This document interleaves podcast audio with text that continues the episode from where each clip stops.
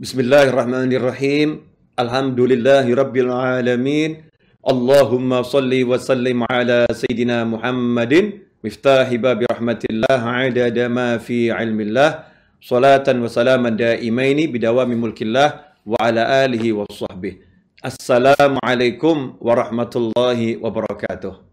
Senang berjumpa dengan Anda kembali. Mudah-mudahan antum semua yang menyaksikan tayangan ini semakin sehat, semakin bahagia, semakin sukses, semakin mudah urusan dunia akhirat yang diridhai Allah Ta'ala. Dan insya Allah berkat menyaksikan tayangan ini, hati menjadi semakin tenang, ya urusan menjadi mudah, masalah pun selesai dan terhindar dari bencana dunia maupun akhirah. Amin. Allahumma amin. Saudaraku yang dimuliakan Allah, kita bertemu kembali dalam kajian kitab Al-Hikam dan ini episode yang ketiga. Di episode ini kita insya Allah akan belajar tentang ilmu tauhid. Tentang ilmu tauhid. Bagaimana hanya bergantung kepada Allah Subhanahu wa taala. Hikmah yang pertama dari Syekh Ibn Athaillah rahimahullah dalam kitab Al-Hikam berbunyi min alamatil i'timadi 'ala al-'amali nuqsanur raja'i 'inda wujudiz zalal. Salah satu tanda, salah satu tanda artinya ada banyak tandanya. Salah satunya adalah yang seperti ini. Salah satu tanda seseorang bersandar, bertumpu, mengandalkan, bergantung pada amal-amalnya adalah berkurangnya rasa harap kepada Allah Ta'ala saat terjerumus pada kesalahan atau dosa. Saudaraku yang dimuliakan Allah Ta'ala, sebetulnya kita semua tahu agama kita ini Islam dibangun atau berdiri di atas tiga pondasi, yaitu Islam, iman, dan ihsan. Ya, ada Islam, ada iman, dan ihsan. Kita harus meningkatkan kualitas kita, bukan sekedar menjadi muslim, tapi muslim yang betul-betul mukmin dan muhsin. Nah, kitab Al-Hikam ini akan membuat kita menjadi seorang muhsin, orang yang mencapai derajat ihsan, ya, makom yang ter, tertinggi. Karena pangkat ihsan bukan sekedar sholat.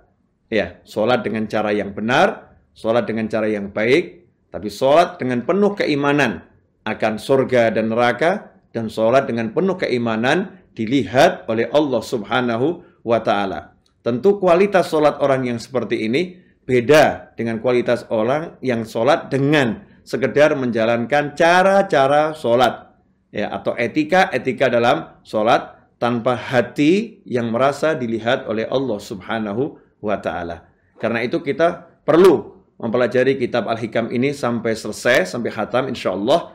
Karena kita ingin menjadi muhsin, seorang yang mencapai derajat ihsan.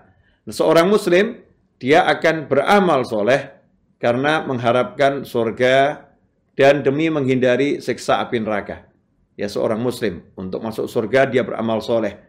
Untuk selamat dari siksa api neraka, dia beramal soleh dan tinggalkan maksiat. Ini seorang muslim. Seorang mukmin, ya dia beramal soleh, dia dengan amal solehnya itu mensyukuri.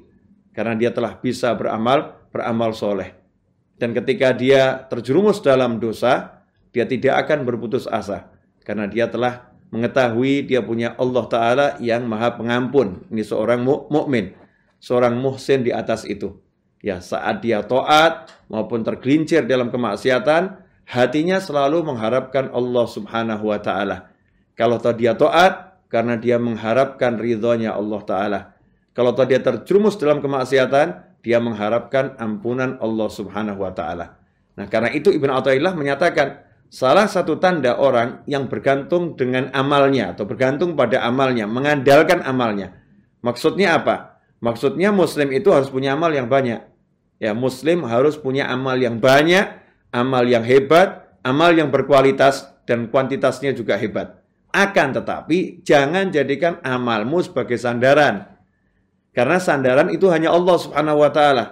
Ya, yang bisa kita jadikan sandaran, pegangan, andalan hanyalah Allah Subhanahu wa taala. Amal tidak bisa jadi sandaran. Ya karena amal adalah makhluk, amal adalah ciptaan. Sementara al-khaliq wallah, penciptanya adalah Allah Subhanahu wa taala. Allah menyatakan dalam Al-Qur'an surat yang kalau kita baca sampai khatam, surat ini, surat Al-Ikhlas, kita mendapatkan pahala seperti membaca sepertiga Al-Qur'an. Sehingga dikatakan kalau kita membaca Al-Ikhlas tiga kali, maka kita seperti mendapatkan bala khutmul Quran. Ada apa dengan surat Al-Ikhlas? Diawali dengan Kul huwallahu ahad. Katakanlah Allah yang maha esa. Allahus somad. Allah tempat bergantungnya segala sesuatu. Jadi Allah sudah mengingatkan, jangan bergantung dengan apa pun. Segala sesuatu bergantung kepada Allah Subhanahu wa taala. Termasuk amal kita, amal kita bergantung kepada Allah taala. Diterima atau ditolak, Allah yang punya hak.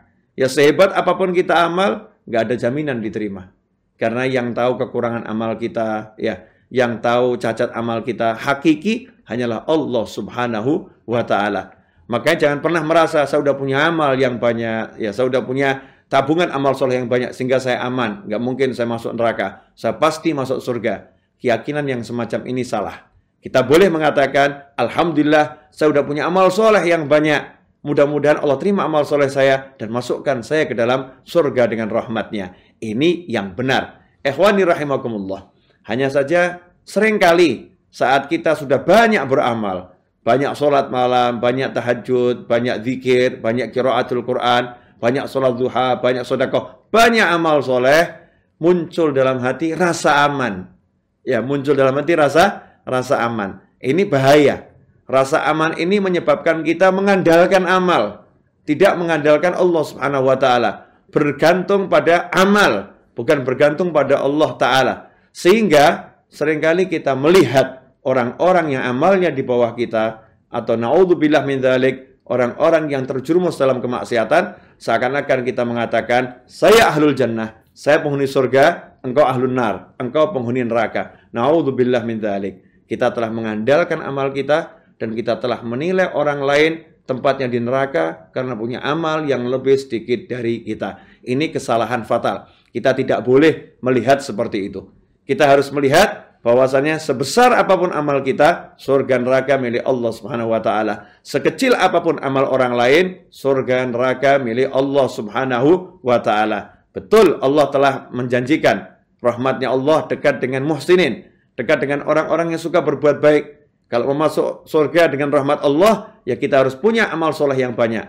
Tapi jangan sekali-kali bergantung dengan amal soleh kita. Harus bergantung kepada Allah subhanahu wa ta'ala. Nah orang yang bergantung pada amal solehnya, ketika dia banyak amal soleh, kemudian suatu ketika tergelincir dalam kesalahan, dia menjadi putus asa. Waduh, gimana ini ya? Percuma sholat saya selama sekian tahun. Percuma zikir saya sekian banyak. Ternyata hari ini saya terprosok dalam kemaksiatan yang luar biasa. Allah pasti benci saya. Allah nggak suka sama saya.